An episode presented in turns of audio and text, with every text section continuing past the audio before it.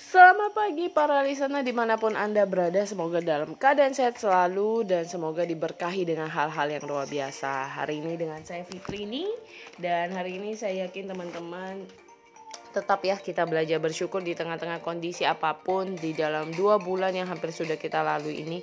Teman-teman banyak tantangan banyak hal-hal yang akan kita lalui tapi bukan menjadi penghalang buat kita berkembang berkarya lebih baik lagi dan hari ini yang mau Fitri bagikan adalah tentang pernah gak sih teman-teman rasakan sebagai as a woman anything happen dalam kehidupan kita yang kayak kalau kita udah di usia angka 28 29 mulai pertanyaan-pertanyaan muncul tuh ya ah, kapan meritnya kapan mau cari pacar kapan mau ini kapan mau itu. Nah teman-teman istilahnya itu kayak fase rantai mata kanan gitu gak sih? Jadi kayak kalau anda di usia SMA anda ditanya mau kuliah mana udah mau kuliah mau kerja apa mau kerja apa mau eh punya pacar itu udah ada belum kapan mau married segala macem gitu ya. Nah perputaran seperti itu gitu. Tapi teman-teman balik lagi yang saya pribadi belajar bukan soal apa yang orang katakan bukan soal karena usia anda karena angka.